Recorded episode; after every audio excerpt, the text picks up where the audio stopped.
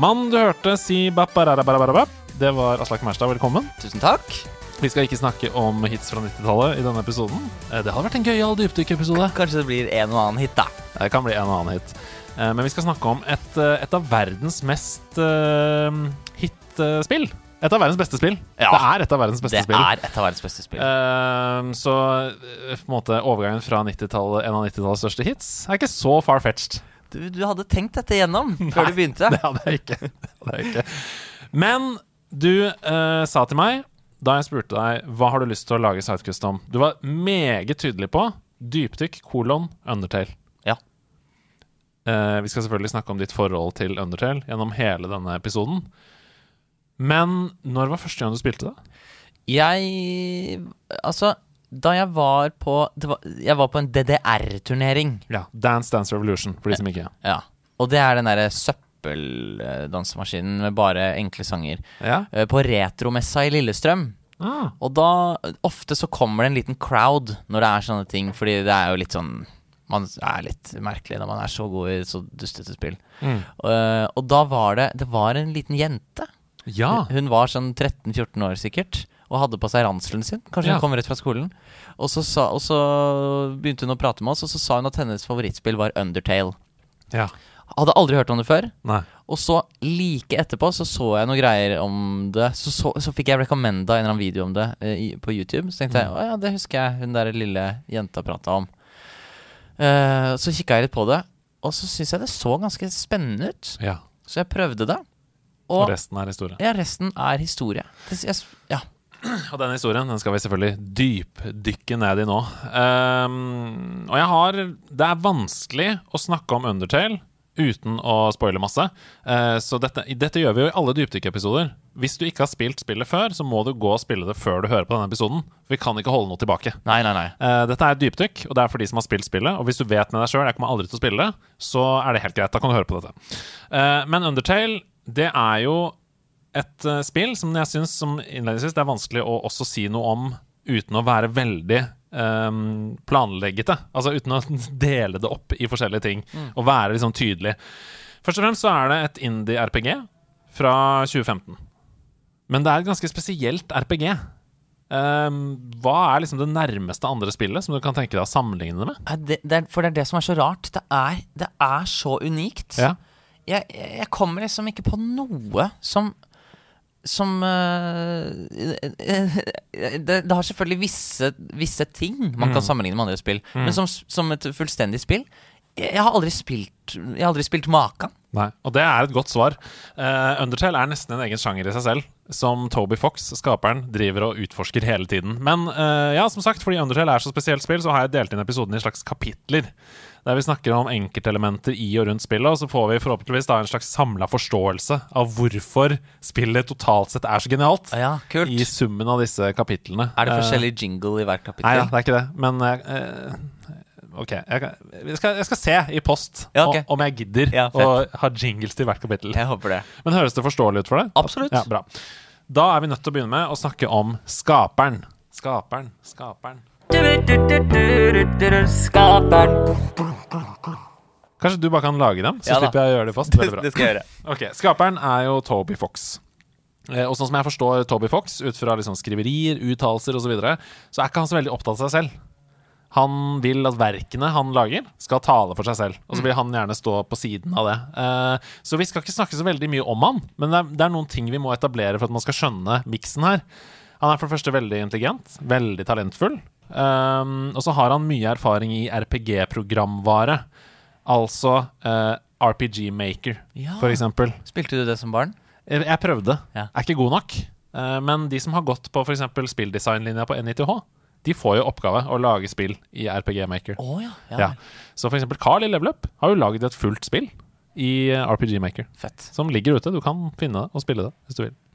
Ehm, det er i hvert fall en veldig bra programvare hvis man er nysgjerrig da, på å lage egne spill. Hvis du som hører på er nysgjerrig på det, du har lyst til å skrive dialog og lage roller og sånn, RPG Maker is your thing. Jeg gjorde det masse som barn. Kult! RPG Maker 2003 var det jeg pleide å bruke. Ja. Det var, de var jo det var et veldig dårlig spill, men det var veldig lett å lage sånn helt OK spill. ja, ikke sant? Som, så, sånn som det er nå, er det sikkert Dette kan jeg helt sikkert anbefale. Veldig bra. Eh, han begynte da sin spillutviklerkarriere med å lage mods til Earthbound. Dette Nintendo Nes-spillet. Og det er jo et spill som på hvert fall en del måter har noe av den samme feelingen som det Undertale har. Eh, så det er kanskje det nærmeste jeg kommer sånn eh, i en veldig sånn naiv grafikkstil som fortsatt får deg til å føle masse, f.eks. Ja, jeg har ikke spilt det, men jeg har hørt Han snakker mye om det, ja. Ja. Og sammenligningen der. Ja. Eh, Så tar vi også med her at Toby er musiker. Eh, Komponist. Og mange sier vel at han, han er først og fremst musiker og komponist, dernest programmerer. Eh, musikken i spillet er i all hovedsak lagd av han alene, eller han sammen med noen andre. Eh, har du lyst til å legge til noe mer om han utover det? Vet du noe mer om han? Ja, jeg så et intervju med han, Ja. eh, og da istedenfor å la intervjueren snakke med han, så hadde han bare en liten eh, dukke av en hund som er med i spillet. ja. Og så snakket intervjueren da med den hunden i stedet. Mm. Det var veldig merkelig. Og man tenker nok at han er litt sånn sosialt off. ja. Men jeg tror ikke han egentlig er det. Nei. Jeg tror han bare liker å, å fremstå sånn. ja. Han går også veldig opp i spill han lager. Og, og, altså, han, han tenker på det hele tiden. Han sier jo at i oppfølgingsspillet til Undertale, Delta Rune, så våknet han om natten og bare uh, Fordi han var så obsess da, med det spillet. Um, så det er fascinerende.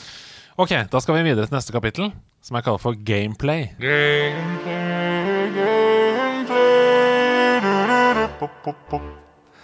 I denne, dette kapittelet gameplay Altså gameplay i Undertale Det er såpass knytta til historien og knytta til universet rundt at vi må snakke litt om gameplay først, før vi går inn i historien. Um, du spiller i Undertale et lite barn som faller ned i underverden, Uh, som er et sted hvor alle monstrene er bannlyst til etter at de tapte en krig mot menneskeheten. Det var menneskene mot monster. Monstrene tapte. Bannlyst i underverden. Vær så god. Eh, og gameplayet det går så ut på å møte på disse monstrene, der hvor du har valget mellom å kjempe mot dem eller spare dem, da. La de overleve. Kan du fortelle litt om hvordan det her foregår? Altså, Hvordan gjør man et encounter med et monster? Det er egentlig som i Det er sånn typisk RPG-stil. Du går på et monster, og så skifter skjermen helt. Og så blir det litt sånn nesten Pokémon-aktig. Ikke sant? Det er litt sånn. Og da, og da kan du trykke på Da velger du om du vil ta fight, eller run, eller, eller talk. Eller en ting til. Og det er jo noe, Det er en av de tingene som er så gøy. At du trenger ikke å slåss. Du kan prøve å bare snakke deg ut av alle Alle alle sånne encounters. Ja. Så kan du være streng. Du kan være snill. Ja, for du kan, også, Kjærlig. du kan velge hva, hva slags type talk du skal gjøre. Om du skal komplementere, eller om du skal Ja. Et monster som står foran deg. ja.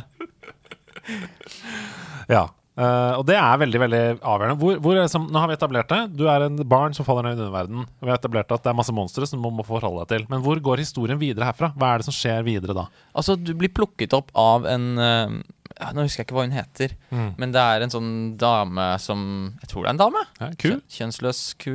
Mm. ku, ku. Som eh, tar deg med, skal liksom passe på deg. Og det hun lærer deg, er Du må unngå vold. Så sånn her skal du gjøre det når du ser en fiende. Sånn. Og så prater du med dem, og så kommer alt til å ordne seg. Ja. Og så tar hun deg med inn til hjemmet sitt. Og der lurer hun på hvilken type pai du vil ha. Så må du velge det. Og så er- skal du liksom være der. Og da er spillet tilsynelatende, tilsynelatende over. Helt til du velger å dra og rømme derfra. Mm. Og det er jo Altså, her er det en, eh, et monster, da. Eller veldig hyggelig monster. Ja. som har funnet deg, hjulpet deg, gitt deg pai. Og det første moralske dilemmaet du møter på, er jo det. Her er en person som har redda livet ditt. Du må dra fra vedkommende. Det er sårt. Ja, og du må også slåss mot henne for å Ja. komme deg ut. Ja. Og det er jo Ja, det er litt sårt. Er dette takken? Mm. sier hun, eksempel. No, det kan godt hende hun tar det. Ja. på overflaten så virker jo Undertale som et ganske sånn basic puzzle og kjempe mot monsterspill.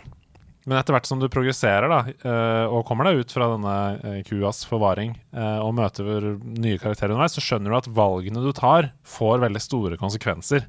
For monstrene som du møter, forholder seg ulikt til deg eh, ut fra hvordan du spiller. Hvordan, hvordan er det?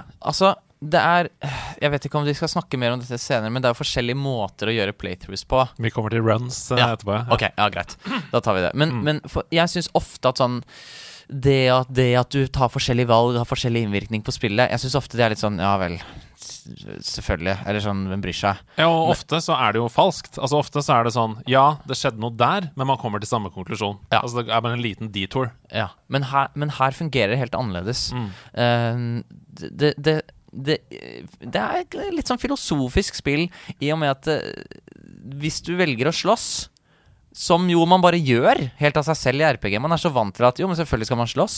Mm. Men da begynner folk å se på deg som en sånn blodtørstig drapsmann Ja. og holde seg unna deg. Og der kommer han! Han som, Det lille barnet som går rundt og dreper alle. Ja. Og, og det, er, det er noe mye mer Det er noe mye mer sånn humoristisk Ja. ved måten de lar valgene påvirke spillet på. Oppsummert så er det vel sånn at jo flere du dreper, jo mindre hyggelig opplevelse har du med å spille spillet. Eh, Ja. Men det trenger ikke å være noe negativt, og det skal vi tilbake til litt seinere. Eh, nå kommer neste kapittel. Det heter Karakterene.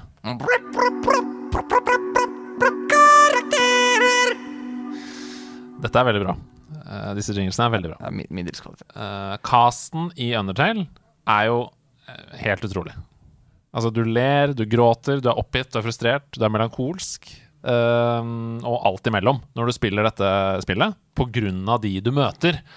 Er det noen som står ut for deg? Som du tenker sånn, Når du tenker på Undertale-opplevelsen din, så tenker du på dem med en gang. Jeg tenker mye på sans, Ja. og det gjør nok alle. Mm. Uh, men jeg skulle ønske at det var litt flere uh, som jeg kom på sånn umiddelbart. Altså Mm. Selvfølgelig tenker man også på Papyrus, men jeg syns at sans det er, noe, det, er noe, det er noe fengende ved det. Mm. Og den lille hunden, selvfølgelig. Fortell litt om Sans. Hvem er vedkommende? Sans er en sånn skjelett Han han er et skjelett, tror jeg. Ja. Og han er oppkalt etter en font. Og så Ja. har han en bror. Og så er han liksom sånn Han er litt sånn luring. Jeg tror at han har noe med tid å gjøre. At han kan kontrollere tiden på en eller annen måte. Det er, eh, det er lenge siden jeg har spilt dette spillet. Ja, ja, ja. Det er helt i orden, det. Men, eh, dette er Sidequest. Det er lavet eh, lavterskel. Ja, man kan google, og man kan drodle. Ja, fint. Googler du nå? Nei, nå skal jeg, jeg tenkte jeg skulle vise lytterne, hvis de ikke har hørt dette i nederlandslaget før, hvordan Sans sin stemme er. Ja. For den er jo veldig spesiell. Du sa jo at Sans er oppkalt etter en font, og det høres jo nesten ut som en font.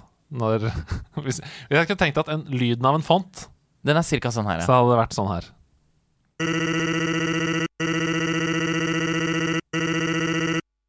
Ja. Og når jeg bare hører det nå sånn clean, så tenker jeg det var, var litt stygt. Men når jeg, når jeg har spilt gjennom spillet, så syns jeg det er noe vakkert over det. Ja. At det liksom jeg, jeg, ja, han, Det er sånn han snakker. Mm. Uh, det er, det er altså En av de tingene som jeg liker så godt med Undertale, er at det er så mye humor Mm. i spillet. Og jeg syns det er ganske Det er ganske eh, sånn intrikat humor, ofte. Mm. Som, som gjør narr av ting som du ikke visste at uh, man kunne gjøre narr av. Mm. Og, eh, og jeg vet ikke om det er direkte relatert til sans på noen måte, men, men det, er, det er mye humor i de forskjellige karakterene, i hvert fall. Mm. Vi kommer tilbake til humor under kapittelet manus. oh. uh, som vi kommer til å Ok. Men, men spesielt Flow, Flowy the flower, Flower. Flowy, Flowy the Flower. Ja. Eh, Jeg har jo bare sett dette i tekst. Jeg har ikke sett, hørt det uttales. Det er Flowey, i hvert fall. Ja. Flowy the Flower, ja. Eh, og Sans står ut for meg også. Um, fordi, i tillegg til at de har fantastiske historier, universet og nydelige arcs og sånn, eh, altså buer, da, karakterbuer, så kjenner jo de til spillmekanikken i spillet.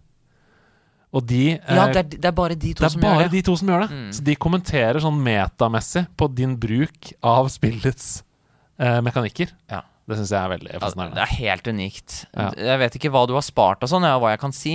Snakk i vei. Okay. Vi tar det når det kommer. Ja, altså. for det som er så fett, er at Eller det, det som jeg ikke har opplevd noe annet sted, er at hvis du spiller gjennom spillet flere ganger, så husker spillet hvordan du spilte gjennom det sist. Ja. Og det har også konsekvenser for neste gang. Eller har små, små konsekvenser da, for neste gang du spiller det.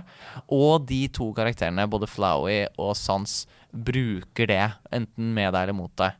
Det er to andre spillutviklere i historien eh, som jeg personlig husker på da når jeg tenker på denne måten å lage spill på. Det ene er Hidio Kojima, Uh, og det andre er Jonathan Blow, som har laget bl.a. The Witness eller A Braid.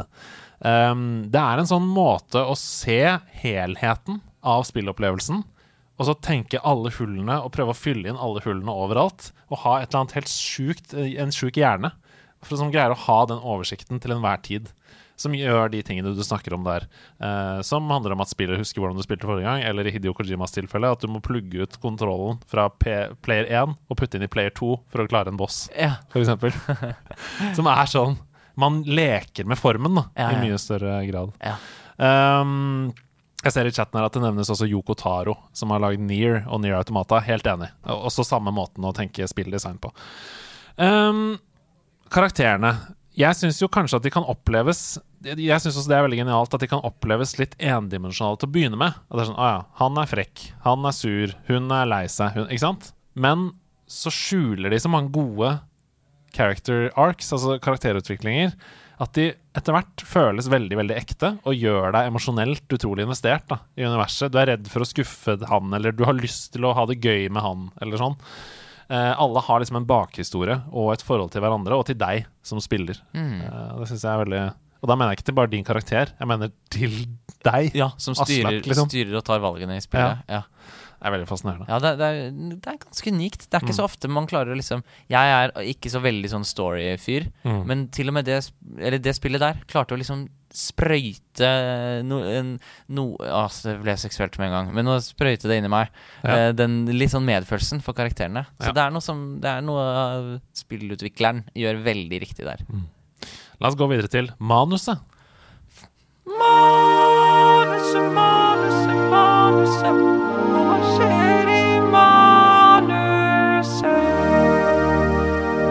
Det som først og fremst skjer, er jo at det er veldig, veldig veldig bra. Eh, det er utrolig velskrevet, manuset. Eh, og så er det fylt med det som du var inne på her, masse puns, masse ordspill hele tiden. Og masse sånn metahumor som bryter veggen mellom spilleren og spillet hele tiden. Eh, det kan også være, manuset kan også være helt forferdelig hjerteskjærende. Uh, spesielt hvis du velger å spille spillet på en måte, som vi kommer tilbake til litt senere. Uh, men har du noen øyeblikk i historien som står ut for deg, som du tenker sånn Det kommer jeg aldri til å glemme, da det skjedde? Eh, ikke, ikke sånn helt konkret ned i en replikk jeg ikke Nei, nei, husker. nei. Men jeg bare syns starten er så god Mm. når man går gjennom tutorialen, Mm. fordi den ironiserer over hva en tutorial i et spill er. Og det er så kult. Det er så, det er så dristig på en måte å gjøre det på, gjøre det på den måten. Ja. Fordi eh, den, den tar den kunnskapen man har om RPG-er fra før, og så bruker den det litt mot deg, Ja, ja. og, og er sånn Nei, hvorfor skal det være sånn? Ja. Det er det ikke Bare fordi det alltid har vært sånn? Ja, For veldig mye av eh, manuset og spillet er jo en kommentar på andre RPG-er, eh, som du snakker om, og, og, mekanikker i sjangeren. Og her har jeg lyst til å være litt streng, for det er ikke noe riktig måte i gåseøyne å spille Undertale på. Selv om kjernen av fansen mener det, og selv om, som du sier, at kua på starten sier til deg 'ikke bruk vold', na, na, na. Spillet gir deg veldig dårlig samvittighet hvis du bruker masse vold, men det er ikke fordi det prøver å si at du spiller feil. Det prøver bare å respondere på dine handlinger da, og utvikle seg underveis. Så jeg tror ikke jeg har spilt et annet spill som føles så mye som en samtale mellom meg og spillet. Som det Undertale gjør. At det er, det er hele tiden en dialog, liksom. Jeg gjør det, hva svarer du da? Hvis jeg spiller på denne måten? Ja. Det er helt eh, utrolig, altså. ja. Et annet øyeblikk som jeg kom på nå, er også uh, Flowey, som du snakket om. Det er den Ja. første karakteren du møter. Mm. Og den er jo liksom Den får det til å virke som om dette er et barnespill, dustespill. Flowey the flower. Ja. Ni, ni, ni. Ja. Og så tenker man hva er dette for noe dritt? Ja. Og første gang den liksom smiler ondt til deg, og du skjønner at å ja, Med de tennene, liksom. ja. Oh, Og du shit. skjønner at den blomsten er ute etter å drepe deg og Ja. gjøre livet ditt surt. Det er, da, det, er liksom, det er akkurat det punktet det snur fra å fremstå som et barnespill, til at man skjønner at å ja, dette spillet er for meg. Ja, ja. Det er, og det er masse sånne små øyeblikk hele tiden. Jeg har skrevet her f.eks. når Sans putter masse pølser på toppen av hodet ditt. ja! Det hadde jeg glemt. Og, og når han lager den labyrinten, Ja. og tilfeldigheten skal ha det til Ja, ja det, er, det, er mye gøy her, altså. Ja. Papyrus kaster seg veldig dramatisk ut av et vindu på et tidspunkt. Hvorpå da en annen karakter, som heter Undyne, sier 'Usually he nails the landing'. Og det syns jeg også er veldig gøy. Det er sånn, Dette er noe han gjør hele tiden. Ja. Det er ikke bare en sånn herre ja, 'Det er veldig dramatisk nå!' Nei da. Han, han pleier å lære Dette er vi vant til. Han pleier å naile landingen. Fem av seks ganger, i hvert fall. Uh, ok, neste kapittel. Musikken. Ok, Jeg er nesten litt tom for inspirasjon, men, men eh, vi går for noe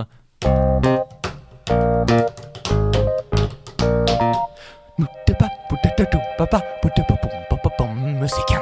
Det Det er veldig bra. Jeg kommer til å legge på klang og sånn okay, i, ja i, i klippen, så det blir sånn can, can, can. Ja, så du gjør det litt bedre, ja. Ja, ja. Jeg, skal prøve.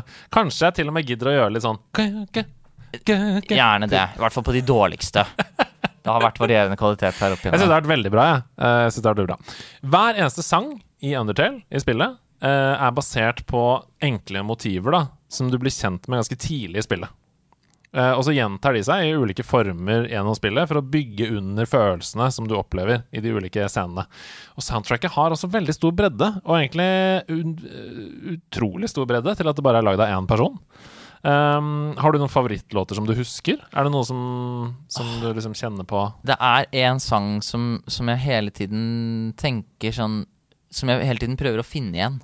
Men jeg husker ikke hvordan den går akkurat nå. Men den må, jeg- den må jeg liksom YouTube meg frem til Ja. en, en gang To ganger i året eller noe. Det er ikke en bossfight-sang? Nei, det er en sånn rolig sang. Når, når, noe har blitt, når noe går bra. Skal du spille av noe som du tror er den nå? Nei, ja, kanskje. For jeg tenkte vi kunne høre på et par av mine favorittlåter Ja. uh, fra spillet. Um, jeg syns det er vanskelig å komme unna melodilinja i låta uh, 'Fallen Down'. Kanskje det er den, faktisk. Og eh, spesielt i repriseversjonen av den. For den kommer jo først uh, veldig tidlig, og så kommer den igjen senere. Og her er repriseversjonen.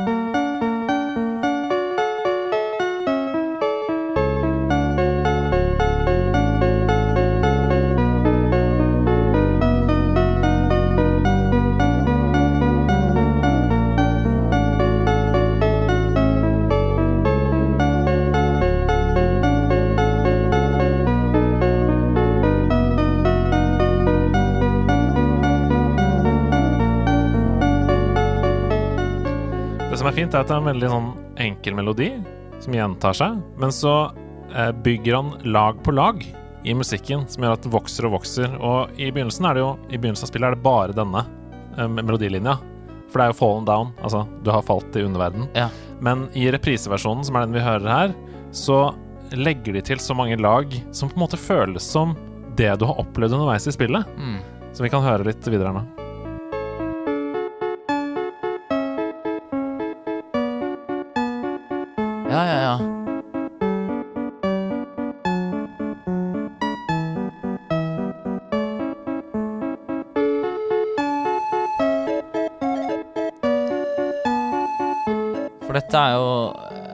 Henvisninger tilbake til enten motivet man har hørt i visse Mm, sammenhenger, eller instrumenter, da. Ja. Ja,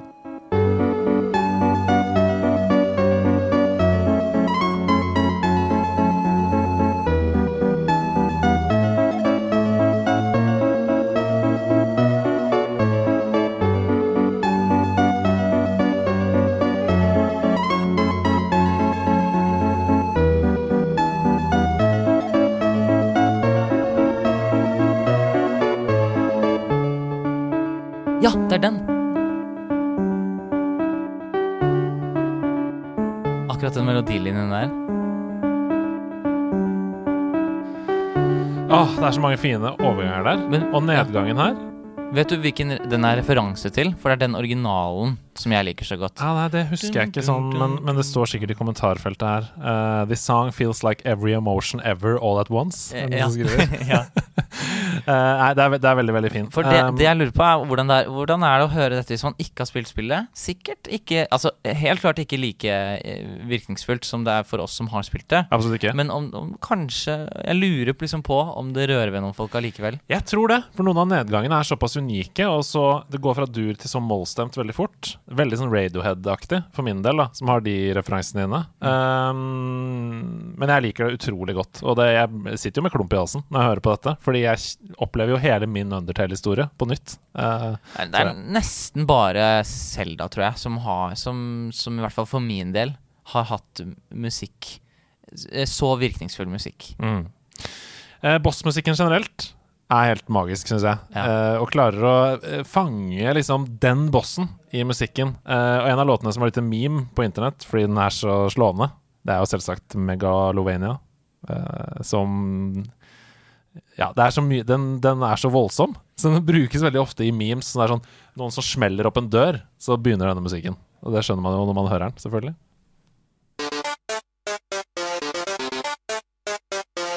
Denne tror jeg nesten alle har hørt, uavhengig om de har spilt spillet eller ikke.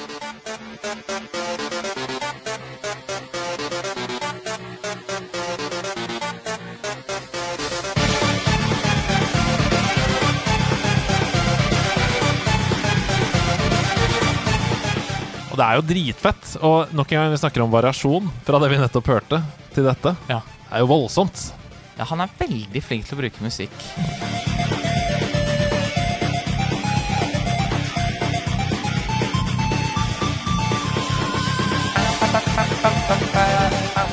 Ok, Vi kunne jo selvfølgelig bare sittet og hørt på musikken i Undertale i resten av episoden. Gjerne det.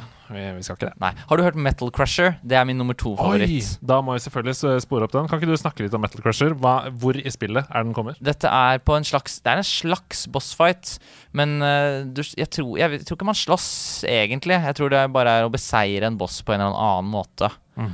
Uh, hvis jeg husker rett. Men det er vel lenge siden jeg har spilt dette spillet. Det bare har gjort et uslettelig inntrykk. Hvis noen spør meg hva favorittspillet mitt er, så svarer jeg som regel Undertale. Oi, det er magisk! Ok, her kommer Metal Crusher.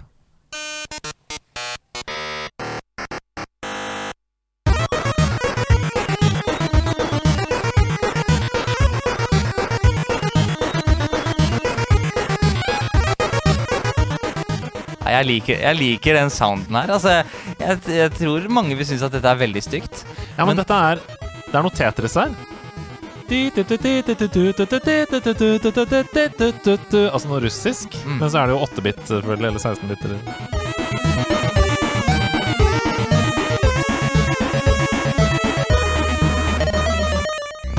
Så er det bare repeat. derfra. Men han har åpenbart eh, en dyp musikalitet i bånn. Det Ja. hører du jo på temaene, og du hører på synkopene og, og måten musikken er komponert på. Da. Det er jo utrolig bra. Har du hørt om leitmotiv? Ja, absolutt! Og det er jo I researchen her så var jo det referert til tusen ganger. Ja. Eh, så absolutt. Ok, vi skal videre til neste kapittel, som er kalt for Hemmelighetene.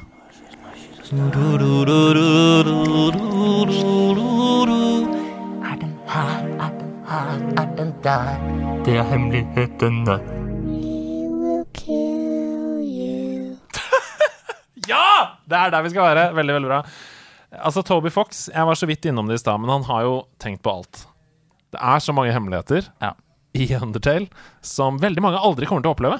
Og det er De, det de som er så fleste får aldri med seg det. Nei, og, det, og nå snakker vi jo ehm, Nå tenker du sikkert på liksom ting som skjer i selve spillet, og det kommer vi selvfølgelig også tilbake til. Men for eksempel, da, du kan ikke jukse.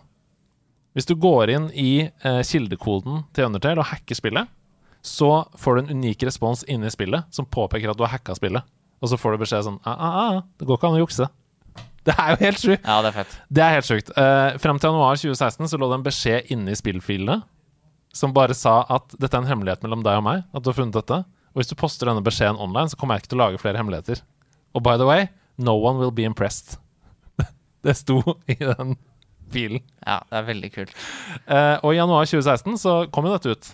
Så da ble den filen erstatta fra spillfilene i en patch med en fil som bare var latter. L bare ha-ha-ha, latterlyd. Å ja. Sånn er det hele tiden. Altså, det er ikke bare i spillet, det er alt rundt spillet også. Det er på en måte en slags meta. Det er helt uh, Fikk du noen sånne uh, OMG-moments da du spilte det? Altså, du snakka i stad om at spillet husker din forrige playthrough. Var det noen sånne andre moments som var sånn What? Altså, ikke mens jeg spilte det, men etter at jeg hadde spilt det, så, begynte gjøre, så begynte jeg å se masse videoer om det. Som sik er sikkert noen av de videoene du har sett. Ja, men det er sånn alle gjør når de har spilt Undertale. Man Ja. blir helt obsessed. Ja, jeg, jeg- ble obsessed faktisk med Ja, det. Det, var, det ble nesten sånn en vitenskap for meg. Ja. eh, å finne ut av hva er, hva er alle de greiene. Og uh, det er visst sånn Det er 100 forskjellige du kan, Når du starter et spill, så får det spillet ditt en sånn spill-ID. Ja. Og det er 100 forskjellige ID-er. ja. Og, vi, og altså det, Akkurat detaljene rundt dette husker jeg ikke. Men liksom Hvis du får ID88, Ja. så er det ett sted hvor du i ett sekund kan se en skikkelse som er doktor et eller annet. Wow. Og tanken er at han Altså, det er, det er, det er så mye sånn eh, Det er på en måte law i easter eggsa, til og med. Det er helt rart. Det er helt absurd. Ja. Men, men det, det bare vitner om en, en, en fyr som har gjort seg veldig flid med spillet sitt. Ja, og det er jo sånn i, i spill som Hades og, og sånne dungeon-spill, hvor du har runs, på en måte, så kalles det for seeds, ikke sant? Eh, I Slay the Spire. Å ja, du har den seeden der. Uh, men at han på en måte i et storydrevet spill har masse forskjellige ID-er som spiller Det er helt ja, sjukt. Og de er, det er Man vet Altså, de er helt like. Ja. For det blotte øyet så er de helt like. Ja. Og det er ingen måte å sjekke hvilken du har på.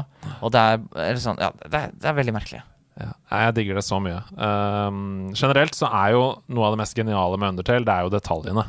Uh, på overflaten, som vi snakka om i stad, så er det ko et koselig og litt sånn rart indie-RPG-spill.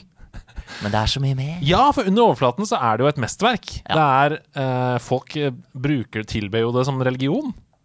Altså De mest hardbarka fansene er jo helt sånn Jeg følger Toby Fox Ja, i livet.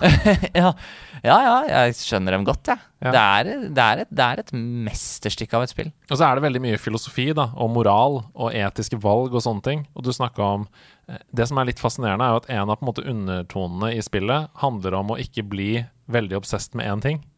Uh, og så ble han veldig obsesst med, med Delta Rune, Han, oppfølgeren. ja, han prøvde egentlig å bare gi beskjed til seg selv, Ja.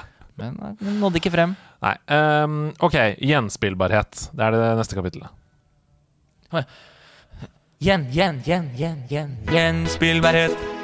Gjenspillbarhet. Ja, Det er så bra. Det trenger ikke være vanskeligere enn det. Det er jo hovedsakelig tre eh, ruter, da, om du kan kalle det det, gjennom spillet. Eh, mange spiller Undertale tre ganger, på tre forskjellige måter, fordi spillet er dramatisk forskjellig fra, ut fra hvilken måte du spiller det på. Eh, det er andre bosser. Det er helt annen dialog. Det er nye karakterer. Det er ulike slutter, basert på valgene du tar. Og da vet du kanskje hvilke tre måter jeg sikter til. Jeg vet jo hvert Ja, altså, du sikter til pasifist. Yes, Hva er pasifist? Det er at du aldri slåss. Du bare, det vi var inne på i starten, snakker deg ut og komplementerer fiendene fiendene dine helt til de slipper deg fri. Ja. Eller helt til noe annet skjer, da. Ja. Det er helt, og, alle encounterne, er- ikke alle, men 70-80% av dem er helt unike. Ja. Så det er ikke noe sånn Det er ikke det samme som skjer hver gang når du snakker deg ut av noe. Eh, det er pasifist-runnet. Og spillet prøver jo å lære deg dette allerede i den første encounteren. Fordi selv om du har, begynner med 50 HP eller noe sånt, og så selv om du eh, kommer mot den første fighten, og du mister liv Hvis du da bare har 10 HP igjen, så bommer alle angrepene til eh, monsteret. Ja, og det skjønte ikke jeg på min første playthrough. Nei. Så jeg var sånn Hæ, jeg kan jo ikke spille Jeg må drepe Jeg må drepe her. Det samme gjorde jeg. Ja. Mm. Så jeg, mitt første fors, jeg, jeg hadde lest på forhånd at det anbefales å ha første playthrough som pasifist. Ja. Så jeg prøvde på det. Men jeg, jeg, jeg forsto det ikke. Nei. Jeg klarte det ikke. Min første playthrough var det neste, eh, som kalles for neutral. Ja. Og hva skjer da? Det er vel bare at uh, du dreper ikke så mye. Mm. Du bare dreper litt her og der. Ja, du dreper noen, du sparer noen. Du spiller det ut fra liksom hva du føler der og da, da Mm. eh, overfor den karakteren. Du har ikke noe bevisst forhold til det. Du bare spiller det som man ville spilt alle spill, egentlig, for første gang. Sånn, OK, nå har jeg møtt denne frosken, hva skal jeg gjøre med den? Liksom. ja. Tar det litt på gut-feelingen Ja. der og da. Um, og den tredje playthroughen Ja, jeg husker ikke helt hva den heter, men det er noe sånn Massacre eller Bloodslaughter eller annet sånt noe. Genocide. Genocide, selvfølgelig. Eller No Mercy. Det er en av to som noen refererer til. Og i Genocide Så dreper du alt. Du dreper absolutt alt du møter. Og, du, og det er ikke bare det at du dreper alt du møter. Du grinder også random encounters. Fordi det er jo som Pokémon. Du møter jo random encounters rundt omkring. Fordi du ønsker å utslette alt i spillet. Ja. Inntil du ikke lenger engang møter random encounters, fordi det er ikke flere monstre igjen i spillet. Ja.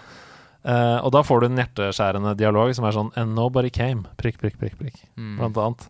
Um, hvis du velger den ruten her hvis du skal spille, så føler du deg helt forferdelig gjennom hele spillet. Du føler deg som verdens verste person. ja. uh, det blir nesten som psykologisk horror. Sånn som Silent Hill. Det blir en helt annen sjanger på spillet. Spillet blir mye mørkere. Det er trykkende. Du opplever det svart-hvit eller den grafikken som skummel istedenfor hyggelig. Altså, det er, helt, det er en helt annen opplevelse. Mm. Har du prøvd det? ja, jeg har spilt eh, alle disse tre, og flere, tror jeg. Ja. Uh, jeg, jeg husker ikke om det er Altså, jeg, jeg har spilt Jeg tror jeg har spilt gjennom spillet på alle mulige måter og fått alle mulige Altså, jeg ville liksom bare Jeg ville teste absolutt alt. Mm. Unmappe alt. Mm. Uh, så jeg spilte det mer enn tre ganger. Og Ja. på, i hvert fall på alle de tre måtene. Og flere sånn Hvis du dreper akkurat han, men ikke den, så får du også den tingen. Ja. Sånne, det er sånn bitte små variasjoner som jeg også ville, som jeg også ville teste for meg selv. Hva liker du best? Hvordan liker du best å spille det? Jeg syns jo at eh, jeg er enig i at å anbefale Pacifist Run på første playthrough Ja. eh, stemmer. Det som er litt eh, ekstra gøy, er at jeg tror det er hvis du spiller Genocide, så blir siste bossen enda vanskeligere. ja. Han unlocker en sånn ny modus hvor han er dobbelt så vanskelig som han egentlig er. Og det syns jeg, var- det synes jeg var ganske fett. Akkurat den siste bossfighten. Ja, det skjønner jeg. Jeg har ikke gjort det. Jeg har ikke spilt fordi jeg orka ikke den grindingen av, av dreping. Følte meg så fæl. Eh, det, og jeg orka ikke det. og de trygler om nåde. Og, Ja, det er helt grusomt. Du bare Nei! Drepe, drepe, drepe alle. Ja. Um, men vi har kanskje ikke nevnt helt hvordan man For det er jo innimellom så er det sånn hvis du skal fighte, så er det, det er et lite hjerte som du må passe på, som er sjelen din. Ja. Ja, for det, det Altså eh, Hvordan skal man forklare det? Det er, det er mange måter og Det er mange måter de fightene utspiller seg på. Det er Mm. ikke bare liksom trykke på attack og så velge angrep. I de aller færreste tilfellene er det det. Det er noen ganger hvor det kommer en sånn strek over skjermen, og så må du trykke når den er på riktig sted. Mm. Veldig, veldig vanskelig å treffe riktig timingmessig. Mm. Eh, eller å treffe helt perfekt timingmessig. Men så er det mange av dem som er at du, er, at du styrer en liten, et lite hjerte, ja, som du Mm. snakker om, som er, som er deg, som er sjelen din. Og så, kom, så kommer det enten ting du må dodge, eller ting du må gjøre med det hjertet. Forskjellige typer hindre. Men det er også øh, at det kommer piler mot deg. Det er nesten noe sånn dansespillaktig over det. Du kan sammenligne det med uh, WarioWare-spillene. For det kalles for ikke minigames, men microgames. kalles Det for Ja. Det er sånn at du eksempel får 20 microgames etter hverandre, og så blir du bare kasta inn i det. Nå har du 10 sekunder. Eh, Og så står det sånn 'fjern barten'. Så, Hæ, hvordan skal jeg fjerne barten? Og så, ja, det er en, jeg har, og så er det en fyr som står der da, med svær bart på seg.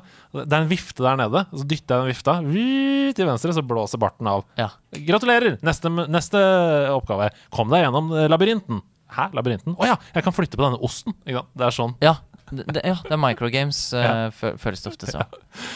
Hva tenker du om Toby Fox og fortsettelsen? Deltarune? Ja, eller bare Altså, Deltarune er jo ikke en direkte oppfølger. Det befinner seg i et annet univers. Ja. Jeg har også sagt at det ikke er Det er jo ikke i, i Undertale-universet. Har du spilt Deltarune? Ja. Ja. Um, jeg, jeg, jeg, jeg spilte Deltarune. Jeg syns ikke at det var like bra. Mm. Men det er fortsatt spennende, på en måte. Mm. Men det er ikke et ferdig spill. Nei. Det var ikke det da jeg spilte det, i hvert fall. Nei. Jeg vet ikke hvordan han ligger an nå, jeg. Mm. Men um, jeg håper at det kommer flere. Fordi, som vi var inne på, det er, det er ingen andre spill som er på den måten. Nei. Og jeg liker veldig mye ved det. Mm. Så jeg, jeg håper at han lager flere spill. Og så jeg, har, jeg føler at det er en sånn tendens med at når, når det er én person som lager et spill alene, og er sånn det, 'Dette er mitt spill, jeg lager det', så blir det ofte dritbra.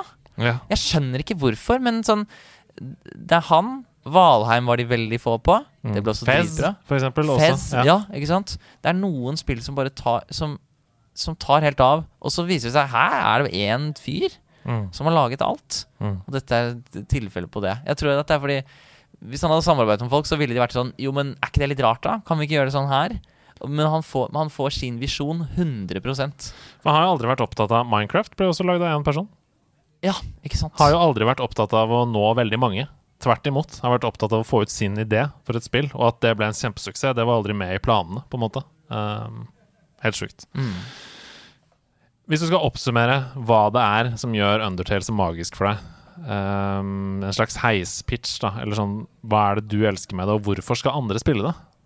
Jeg tror at folk uh, jeg, jeg tror at folk har et litt sånn hat-elsk-forhold til det spillet. Mm. Enten, det kan godt hende det ikke er noe for deg. Mm. At du launcher spillet, og så spiller du litt, og så er det sånn Dette var rart. Dette Nei, det var ikke noe for meg. Mm. Men jeg tror at hvis du, først, hvis du først har anlegg for å like Undertale, så kommer det nok til å være et av de beste spillene du har spilt i hele ditt liv. Det er så forseggjort.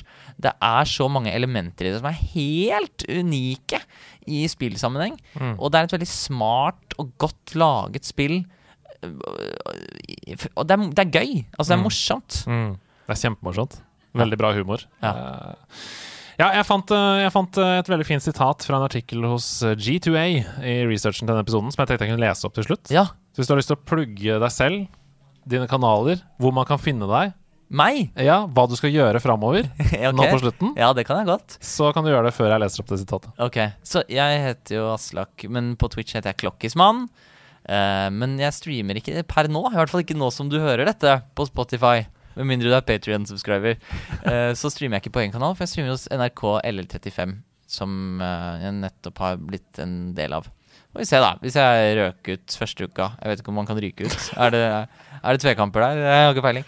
Men mest sannsynlig så er jeg fortsatt der og, og streamer for dem. Fulltids Fulltidsstreamer! Tenk på det! Jeg har nettopp blitt fulltidsstreamer. Det! Du lever av det. Jeg lever av det. Tok ikke lang tid. Nei, det, det, er, det er nesten så jeg ikke helt forstår det selv. Eller jeg forstår det definitivt ikke selv.